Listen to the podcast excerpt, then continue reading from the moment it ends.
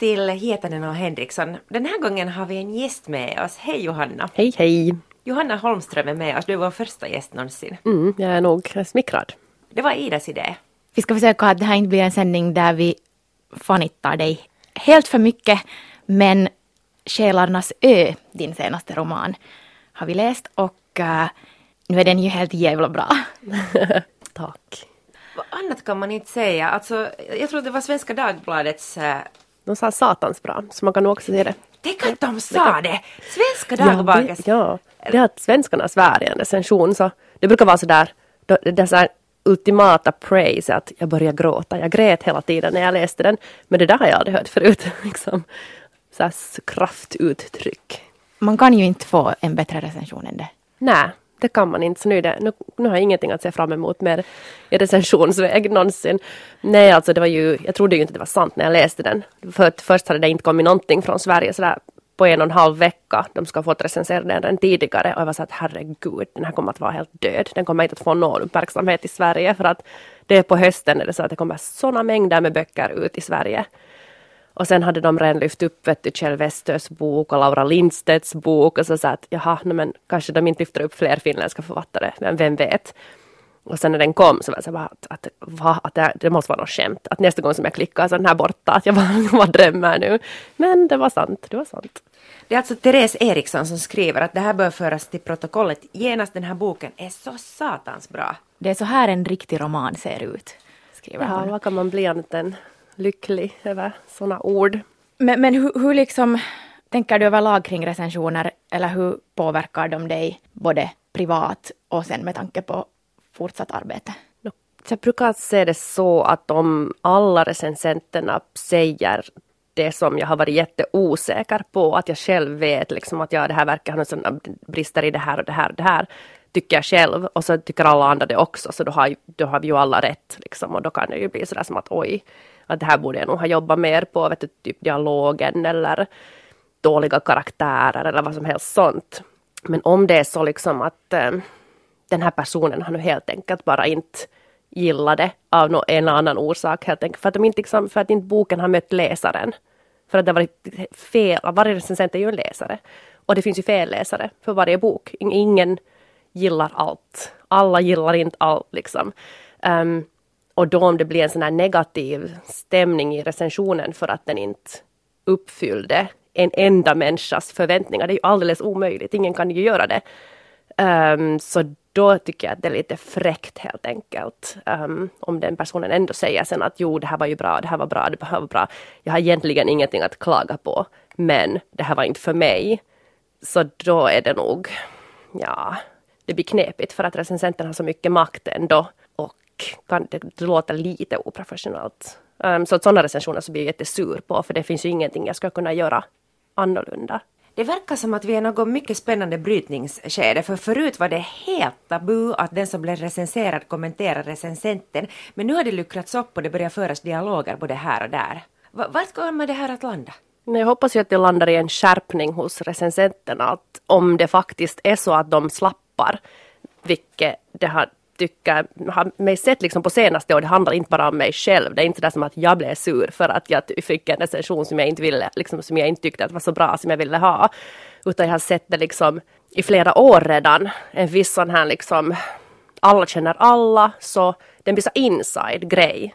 Det är inte mera för det är inte, de, de liksom anstränger inte sig tillräckligt mycket och det är inte för läsarna av tidningen. Utan det blir en så intern jargong att alla vet ju vad jag menar om jag refererar nu till det här verket som den har skrivit tidigare. Men det gör de inte nödvändigtvis. Det kanske är första gången en läsare plockar upp en bok av till exempel om mig. Så vad är det för vits att jämföra med det som liksom tidigare en person har tyckt att var bra? Och så här. Um, och sen finns det de där långa referaten som, som recensenterna gör som, som helt enkelt inte är en recension. Utan, och det, det har jag blivit så irriterad på på senaste tiden. Så att Ja, det lär ja, man ju sig redan i grundskolan, att ja. det här är ett referat och det här är en recension och vad som är skillnaden mellan Och många av mina kollegors böcker så jag reagerar sådär på att ja, den här recensionen sa absolut ingenting annat än vad boken handlar om. Så I flera år redan. Och jag tycker att det är bra att det kan sägas högt också för att det, det, en skärpning tycker jag är på sin plats. Jag, jag reagerar på de här referaten därför för att det, ibland vill man inte veta så mycket som det, de berättar, men jag vill ju läsa boken själv. Mm. Och, och det där, ibland till och med står det på baksidan av romanen lite för mycket, eller hur? Men jag förstår det här varför man refererar det, det är för att det är så... Jag är superkonflikträdd själv. Så jag vill inte, inte, inte vill jag såra någon egentligen, någon som har satt sin själ och hjärta i en bok.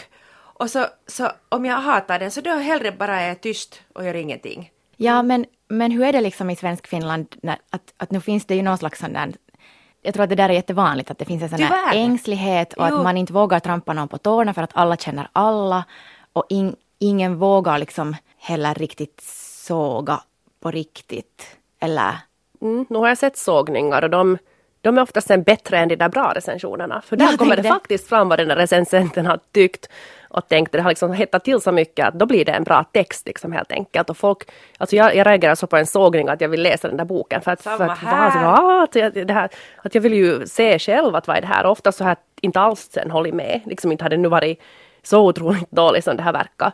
Ehm, så det, det är liksom så länge det finns känslor och passion med, med så här neutrala, så här långa handlingsreferat som inte egentligen säger någonting och jag fick veta exakt vad som hände i boken för jag ens plocka upp den. Så det vill jag ju faktiskt inte. Det vill jag ju inte. Varför skulle jag vilja läsa det? Man måste bara ha lite mera balls, men det finns ju nog de, av dem också. Jag måste bara säga, Kristel Pettersson som ju gör teaterrecensioner tycker jag är helt suverän. Men hon har också en sån taktik att hon går ju inte och minglar med de där teatermänniskorna.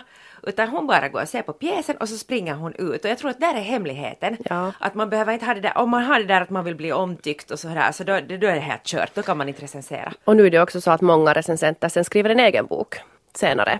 Eller kanske tänker att den vill någon skriva en bok och sen blir de lite sådär att ja, hmm, om jag nu har sågat alla här hittills. inte, kanske de tänker så men till exempel Pia Ingström skriver ju jättebra recensioner. Jag tänker alltså att hon borde ju recensera alla böcker som kommer ut i hela Svenskfinland då. För att hon kan det. Hon är otroligt bra.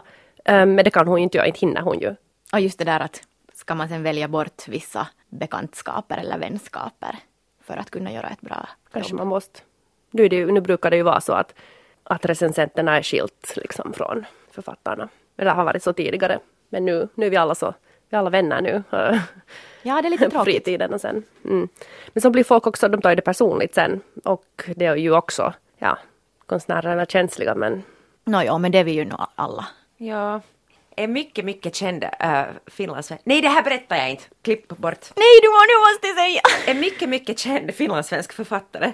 Så han berättade att det, där, det fanns en, en kritiker som skrev så hemskt för säkert 20 år sedan att hen nästan dagligen drömmer om att få och det där mörda den här. Vet du, för att det, det kan bli så starkt och just det där att man upplever att man blev missförstådd, att det läste fel.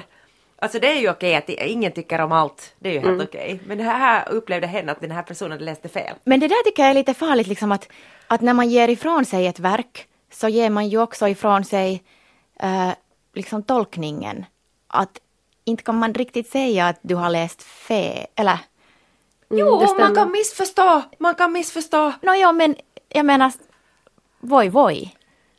Alltså så länge det finns, det där som du säger att den här boken handlar om finns i boken. Så länge du kan visa att här tycker jag att liksom, det här handlar ju helt tydligt om det här. Vet du, att om, men om du skriver en, en bok om katter och någon säger den här hundboken var jättefin. Så då är man ju sådär, men då är det ju Ja, fel liksom. På det sättet. Men ja, jag tycker också som att så länge som du kan motivera din egen tolkning i boken så är det ju inte fel. Då finns det ju miljoner olika läsningar. Um, och de författaren då själv inte tycker att det, att det liksom var den där kritikerns, att kritikern förstod det fel så precis som du sa så är det nog lite så här voj voj. Men det som jag tycker att blir jobbigt är det just att om, om du har hållit på fem, sex år med en bok och sen så det enda du får är en sån där liksom axelryckning. Att borde inte kritikern fundera liksom också på hur mycket arbete det ligger bakom en bok och, och se det där verket för vad det är och vad som finns där och inte vad den ska önska att det var och vad som inte finns där. Det finns en liten sån där, jag tycker att, att kritikerna är kanske lite styrmoderliga mot de finlandssvenska böckerna, att vi ska måste vara så överbra, det ska måste vara mirakel varje gång för att det ens ska vara lite bra. Tyck, alltså ja, och det, jag tror också att det är just den här att, att alla känner varandra, tendensen på något sätt att, att det går inte att distansera sig tillräckligt mycket från personerna och verket och se vad det finns där. utan hellre just sådär egna önskningar i, i det där verket. Det har jag upplevt många gånger också med kollegornas verk. Mm, det där är ju nog kardinalmissen i all kritik, liksom att man recenserar det man skulle ha velat se istället för det som finns där. Det var många har tagit upp i dina tidigare böcker är de här kvinnoporträtten. Och sen har du sagt i en intervju att många har velat diagnostisera de här kvinnorna på olika sätt. Att vad har de här nu för, vad lider de av? Och att det har varit en av de här impulserna för dig att skriva Själarnas ö. Mm, jag tänkte då när, jag, när alla faktiskt, eller många försöker diagnostisera de här kvinnorna och lite så märkliga diagnoser som jag inte ens tänkt på, så här bipolär, att det är ju ganska, det är ganska sådär eller schizofren. Liksom. Och jag var så här, att, var, varifrån får de det? I, liksom, I vad i de här karaktärerna? Liksom, för att oftast beskriver jag ju mina, mitt eget beteende i de här människorna. Eller mina egna tankar. De är så här, helt sjukt, hur kan någon tänka så där? Jag, var så här, jag vet inte, jag hittar på. och då har jag ju funderat så här som att är det jag som på något sätt här är konstig? Är det jag som är, inte tänker på mentala sjukdomar så som andra gör? Eller, eller vad är det här? Och då ville jag liksom skriva om, om människor som på riktigt är, har fått en diagnos. Men eh, jag tror att om du skulle betrakta en person en hel vecka till exempel och skriva ner allt som den gör när den tror att den är ensam så skulle ju alla skulle vara helt galna. Alltså. Alla har vi ju konstiga grejer och jag tror att det är det som händer när, man, när jag då beskriver personer i text. Att, eh, att liksom, när varje liten detalj kommer med så förstås att det kan verka märkligt. Den här dedikationen i boken är också helt underbar. Till dig som någon gång har undrat om du är galen eller om du håller på att bli det. Du har förmodligen rätt. Det är helt genialt. Speciellt kanske just kvinnor. Att det kommer både utifrån men också från en själv. Att shit, att håller på att bli galen. Mm, jag tror att de flesta har nog funderat det. Och sen, och sen att du, du väljer att den här berättelsen utspelar sig på Själö som alltså är en så läcker plats, en en ö där det finns ett mentalsjukhus. Varifrån kom den här, det här intresset för just Själö? Jag visste att jag ville skriva om kvinnlig galenskap då helt specifikt och liksom den finländska kvinnans galenskap så där grandiost äh, genom århundraden. Och jag visste inte att fanns det något sånt material så jag bara googlade ungefär på just på den termen. Och så hittade jag ju Dahlbäcks um, ehm, doktorsavhandling i exakt det ämnet. Och jag sa nej, det här är inte sant. Det var liksom första träffen som kom upp. Så precis det material som jag behövde. Jag sa nej, det här, det här kan inte. Det, de måste ju skriva om det. det som, så här händer ju inte. Och då visste jag ingenting om Själö år 2013 faktiskt. Och då tänkte jag att ja, men, och den här ön finns där. Och, och jag kände inte till den, så hur många andra månne inte känner till den heller. Och så åkte jag då dit och såg den den här platsen och, och visste att, att jo, det här är nog, det, det här måste jag skriva om, det är definitivt rätt ställe. Och. Hur mycket är fakta och hur mycket är fiktion? Allt är fakta, allt är fiktion. Bra svar. allt som händer i boken har hänt någon, någon gång. Um, också patienterna på Själö, men inte exakt så där som det händer där, utan jag har plockat bitar ur olika patientberättelser och satt ihop liksom olika detaljer till, till en enda person då, eller tre olika personer. Den enda som är helt påhittad är alltså den här sjuksköterskan Sigrid. Men hon har också sin förebild i en, en riktig person som var kokerska på ön. Platsen är ju verklig. De där byggnaderna som jag beskriver finns där men om jag har behövt flytta dem på andra ställen än vad de är på riktigt så har jag gjort det. Så jag har nog liksom också möblerat om på Själö och, och jag nämner ju inte Själös namn en enda gång i, i texten i boken. Just det, det tänkte jag inte ens på när jag läste. Inte jag heller, men det märkliga var att jag började längta dit något så enormt mycket för att den beskrivs som så jätteharmonisk och det känns också sådär nu rom romantiserar jag helt fritt, men man är här fången i sitt eh, hetsiga liv och så tänker man att vilken fristad att bara få, få no, bara och bara, men att vara där på Själö. Så jag fick en grym längtan att åka dit. Jag undrar om det blir sån där massturism nu till den här ön. Ja, det har ju blivit det nog, att de har öppnat upp den mycket mer nu de här två senaste åren. Och, men eh, den stänger nog ganska tidigt också på, på liksom efter sommaren, så inte nu kanske helt för överanvänt ännu, men jag hoppas ju att det inte blir för mycket också. Jag längtar också dit, och, men jag tror att vi längtar ju dit för att, för att dels att vi inte kan fara dit, liksom, vi kan ju inte hamna där. Um, och också för att vi inte har varit där. Liksom. För, för vi har inte varit inlåsta där. Nej, och vi så. vet att vi kan komma bort därifrån. Mm, om vi, ja, att åka dit och se den är ju helt, det, det borde ju alla göra, alla som bara kan. Men eh, jag tror också på det där med fristad, att det nog för en del patienter upplevdes som att äntligen få komma bort. Förstås inte liksom varje dag, hela tiden, om du var där i 40 år. Men åtminstone tidvis, helt säkert. Jag fick lite sådana, eh, eller drog i mitt huvud paralleller till Orange is the new black, där de, alltså den här tv-serien med det här kvinnofängelse. Och just hur du beskrev den här kvinnliga gemenskapen och det som uppstår där bland kvinnor som liksom ofrivilligt har sammanförts. Och det var, det var jättestarkt den där gemenskapen och den där inre dynamiken som uppstod där. Jo, den vet jag ju ingenting om, om det var så på riktigt eller inte, så det har jag ju föreställt mig, men jag tror nog att, att det måste väl ha varit så för att det fanns ju ändå en ganska stor andel kvinnor som egentligen inte borde ha varit där. Som helt enkelt inte hade något sånt fel som vi skulle definiera som fel nu. Um, till exempel om du var, var epilep epileptiker så kunde du hamna där.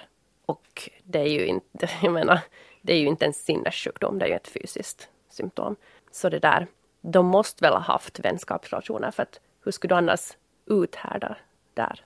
Det som förvånar mig och, och överraskar mig på ett positivt sätt var att den var så pass ljus den här berättelsen. För jag måste berätta att jag drog mig väldigt mycket för att läsa den. För jag var lite rädd att själv hamna in i något jättedjupt mörker. Det är väldigt ofta som det nästan blir karikerat det här mentalsjukhuset, det är så vidrigt. Men här var det, no det var mycket som var helt normal, äh, normalt är fel ord, förlåt, men mm, här var, här mycket ljust lugn. Mm. Det är också samma som jag tänkte just att eftersom det ändå fanns människor som levde där kanske 40 år, liksom ett helt vuxet liv, så måste ju ha varit i viss mån också vardagligt för dem. Kan jag tänka mig, de som var liksom så att de fick gå fritt omkring och hade arbetsuppgifter som de utförde, hade ganska rutinmässiga dagar. Ja, så det där, och sen tänkte jag också när jag skrev den då att men det här materialet i sig är ju så hemskt och vidrigt och så mörkt och så här. Alltså att om, jag, om jag bara skriver mörkt så hur ska någon orka läsa den helt enkelt? För det är också en bok, det är ju en berättelse, det är ju inte, det är ju inte liksom en fackbok. Eh, och då tänkte jag att ja men det måste ju finnas, det måste ju lyfta fram det här ljuset, den här gemenskapen och värmen som finns här också. Annars blir det en outhärdlig läsning och egentligen så ger den inte, liksom, jag tycker om läsning som ger katarsis och det kanske inte blir så mycket katarsis och förlösning om det är bara mörkt och bara skärseld liksom hela igenom. Utan det måste också finnas det där ljuset där som kontrast. Men de här mörkare sidorna, till exempel en kvinna som skadar sina egna barn, eller liksom hur... För att bara att läsa det gjorde mig lite rädd att, oh, liksom, att jag vågar inte ens gå in i de delarna av mig själv där man möjligen skulle kunna hitta liksom sådana för att förstås att alla har onda tankar, fast alla inte kanske gör så extrema onda handlingar. Men liksom, hur gör du för att våga hitta de grejerna? Nå, nu måste jag ju säga, svara så att jag inte låter som en, ett monster. um, jag har ju varit där själv i de här tankarna. Uh, och så funderar jag när jag var där att men vad är det som får vissa människor att verkligen göra sånt som de tänker?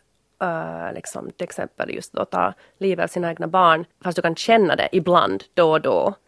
Uh, när du är som tröttast och så här så kan du ha en förbiglidande tanke. Men vad är det som får en del då att, att göra det och andra att inte göra det? Och där vill jag då just skriva den här Kristina som verkligen då gör det. Och jag var själv då alltså, efter att jag separerade från äh, mina två barns pappa så så var jag själv liksom typ inlåst i en lägenhet i två år med en börjandes åtta månaders baby och en som inte hade fyllt, eh, som just hade fyllt två. Så det där, jag kunde kände så att jag kan ju inte, jag kan inte ta mig ut härifrån, det finns ingen, här är jag bara inlåst med de här två barnen, bara skriker och skriker och skriker, helt som Kristina var i boken. Och det var nog, jag var nog ganska liksom, desperat då under ganska lång tid. Så att sen när jag kom ur det här själv så kunde jag börja skriva om en sån person så liksom kändes det som att varje tanke som Kristina haft i boken så är nog, och känslor så är nog helt genomlevda själv. Så kanske det var bra, fick materialet utnyttja. Jag tror att det är en jättefin gärning att våga sätta ord på det. För att det där mm. är ju mm. kanske liksom det mest tabu att prata om. Uh, jag blir helt... Hur skildrar man vansinne? Nej, jag har en sån här teori att jag tänker att, att att man kan inte skildra det om man inte, eller nej så här, man kan inte förstå vansinne om man inte själv är i det just då. För att en sån här intellektuell förståelse är frånskild känslorna. Ja, hur gör man det? Hur, hur, hur kan jag förstå någon som är, är, lider av psykisk ohälsa? Och hur beskriver man det? det skickligt att du kan beskriva där Kristinas situation. Här var ingen fråga. Nej men jag känner liksom just det som jag, alltså, att, jag, att jag har gått igenom den där känslan själv. Liksom helt fysiskt och konkret och så här. Men det blev bättre. Det blev inte sämre som det blev för henne. Och så tänkte jag att ja men tänk om jag, jag skulle helt bara kunna vara hon. Om jag skulle vara i hennes situation på den tiden. Hur, hur kändes det att skriva om det? Det var jättesvårt. Alltså jag var deprimerad hela tiden som jag skrev den här boken. Eller så här halva tiden. Så där, liksom att, att, eh, ja, det var nog otroligt mörkt och jobbigt att skriva den och där, då måste jag också få in det här ljuset i den för att ens själv orka skriva den. Mm. Du beskriver så fint hur det känns i kroppen, svindel och, och liksom det där att, att, hon, att man försöker mana sig själv till lugn men det har redan vuxit sig för stort och fyller hela bröstkorgen. Exakt var, var det där, den där galenskapen liksom finns. Och, vad är det som gör att, att galenskap just nu får ganska så stort utrymme inom fiktionen? No, kanske just det där citatet som finns där i början, att folk funderar jättemycket på det. Och nu får vi också prata om det mycket mer än, än tidigare tycker jag det är helt okej. Okay. Det är inte lika mycket tabu att, att tala om det. Folk talar om sina depressioner, folk talar om att de har varit utbrända, att de har varit, eh, äh, de är alkoholiserade och så vidare kanske vi, alltså vi, vi har ju en sån här samhällelig terapi nu när det inte finns någon annan terapi, att folk får ju inte den hjälp som de behöver. Så är det säkert till stor hjälp åtminstone att folk, också kända människor, pratar om sina, sina diverse problem. Och eh, kanske för att vår tid är så galen, liksom helt, att det finns psykopater som är i makt på olika ställen i världen och att det liksom, ja det finns ju överallt nu det här temat. Så jag tror att folk kanske också att det på något sätt är så på ytan. Jag, jag funderar på det där med liksom att, att just kvinnans galenskap ändå ofta görs sexig. Och du har pratat om det tidigare också, att, att du vill liksom frångå det. Att varför ska man sexualisera till exempel liksom hysterin, men också annan kvinnlig galenskap. Att, ja, att den sexualiseras.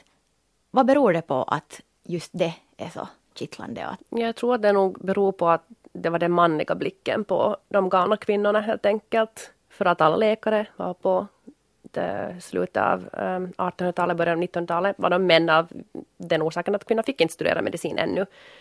Och då var det, jag vet inte om, om mannen någonsin kan se kvinnan helt sådär um, objektivt utan att tänka att skulle jag vilja ligga med henne. alltså, det, är sådär, det är ju den manliga blicken, liksom att varje kvinna du ser så funderar du på att men skulle jag kunna, skulle jag vilja ligga med henne. Mm, och det liksom diagnoser som nymfomani och sånt här som ju handlar om att kvinnor som ville ha sex och tyckte om att ha sex så var ju då en sjukdom. Liksom där är ju redan en helt konkret grej att det sågs som ett sjukligt beteende, inte som ett normalt beteende för det var inte så som kvinnor skulle bete sig så där, där är det också en av liksom, ursprungsorsakerna till det. Och sen också att kvinnlig galenskap alltså, är så tät koppling till kroppen kring allt som har med barnfödande att göra, menstruation och, och sånt.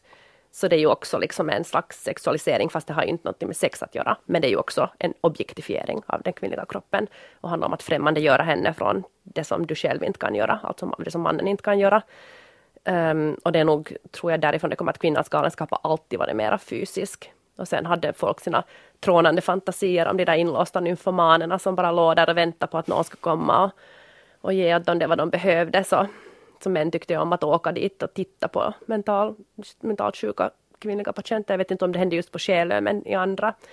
Liksom att man ordnade sådana, vet du, att de fick komma dit, herrarna från staden och titta och betala en liten peng för att komma och se på de kvinnliga galningarna. Men jag tänker att det också finns på något sätt en risk att idag när, vilket ju är bra att man talar, det är mer okej okay att prata öppet om psykiska problem, men att det finns en liten risk att det glider åt det hållet också där, att, att man liksom på något sätt förhärligar eller romantiserar det där, den psykiska sjukdomen, kanske också själv i hur man framställer det i sociala medier eller liksom folk som pratar öppet om att en diagnos kan vara en bra sak eller liksom Vet du vad jag menar? Ja, så att, det att alla vill ha en diagnos nu. Ja, ja, att det blir trendigt. Jo, jo, men det är ju, det är ju redan på ett sätt ganska trendigt för man hittar ju på hela tiden nya diagnoser för sånt som liksom är... Alltså det var någon som ville också att, att PMS skulle bli en sjukdom, sjukdomsförklaras. Och jag var så att många kvinnor tyckte att det skulle vara jättebra och jag bara tänkte, men tänk på konsekvenserna av det, att ingen vill ju anställa en kvinna som, den, som uppger att den, alltså, att den har PMS varje månad och kommer att vara borta från jobbet fem, fem hur många dagar liksom, i månaden. Vem skulle, alltså... Ja, jag tycker inte att det är en sjukdom. Varför ska man säga att någonting är en sjukdom som är någonting helt normalt? Att hellre du kanske säger att jag har de här besvären, det är helt normalt, jag är inte sjuk. Men kanske jag ibland behöver sjukskriva mig. Kanske, kanske inte. Liksom. Men ju, man inte jubla över att det skulle bli en sjukdom, för då blir det igen sådär som att varje naturlig liten sak som vi lider av, som inte bara helt konstant samma hela tiden, så ska vara en, ska ha en diagnos och vara en sjukdom. Det är ganska problematiskt för att sen blir det ju också sådär att allting blir så statiskt medan det är ju egentligen en sån glidande skala. Det inte finns det någonting som är friskt eller sjukt utan vi alla lite, alla har lite fel i huvudet ibland.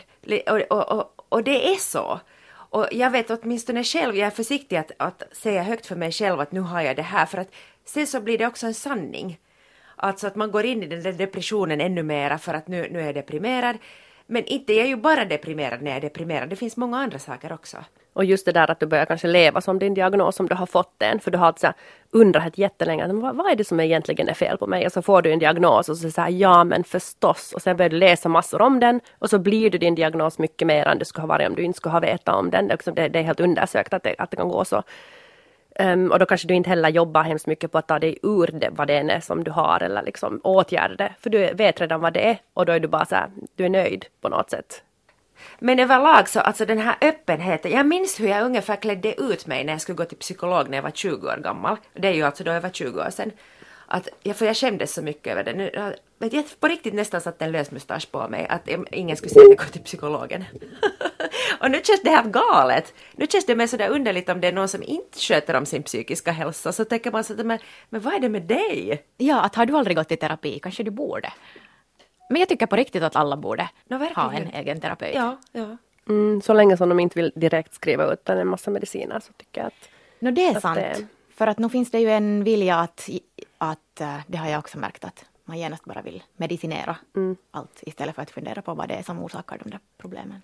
Jag hade en gång uh, en p-pillerdepression och jag visste inte att det var det och jag visste sen efteråt förstod jag att ja men herregud det är ju, att det, är ju det det är och jag visste inte att det fanns något sånt heller för att de berättar ju inte hemskt mycket om då i alla fall tidigare, det här var snart, ja det måste vara tio år sedan.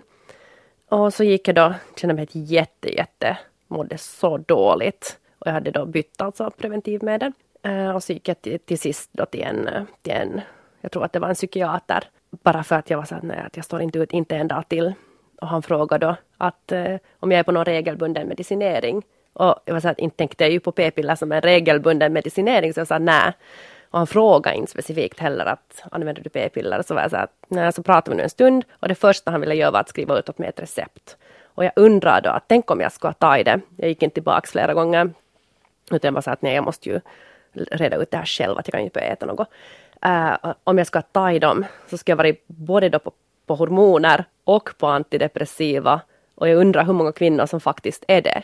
Att det måste ju vara en otrolig mängd som, som går på, liksom så här på båda. Um, kanske onödan i vissa fall. Och, um, och det var nog liksom sen jag förstod vad det var, så, så var det också en, en stor ögonöppnare för mig. Att kanske där också finns en orsak till att varför kvinnor äter mycket mer antidepressiva än män.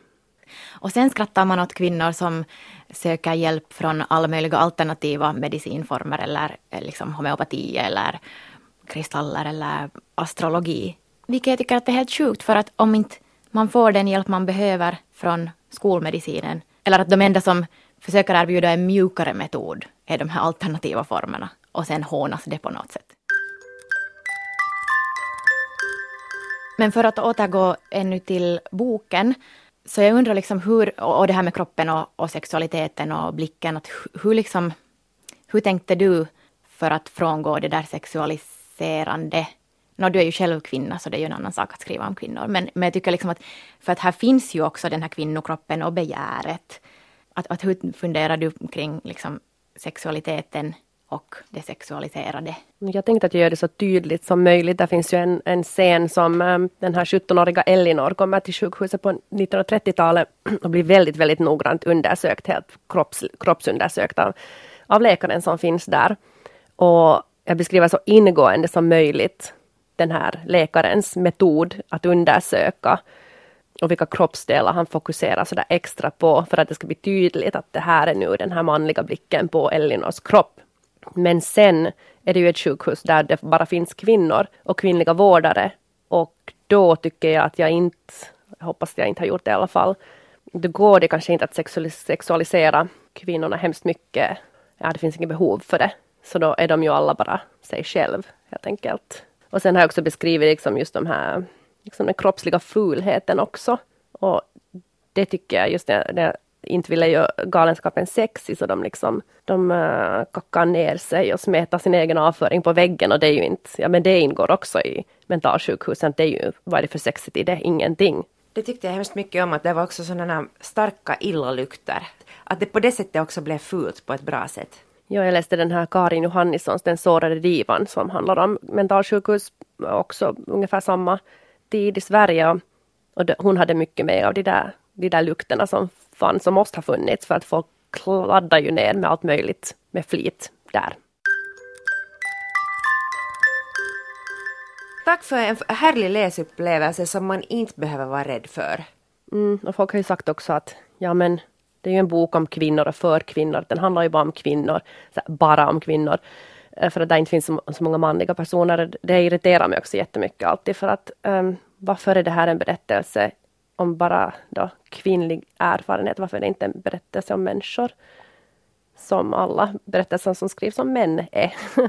så att det är definitivt inte en bok då enbart för kvinnor som bara kvinnor kan förstå utan um, det är en bok för människor helt enkelt, för oss alla.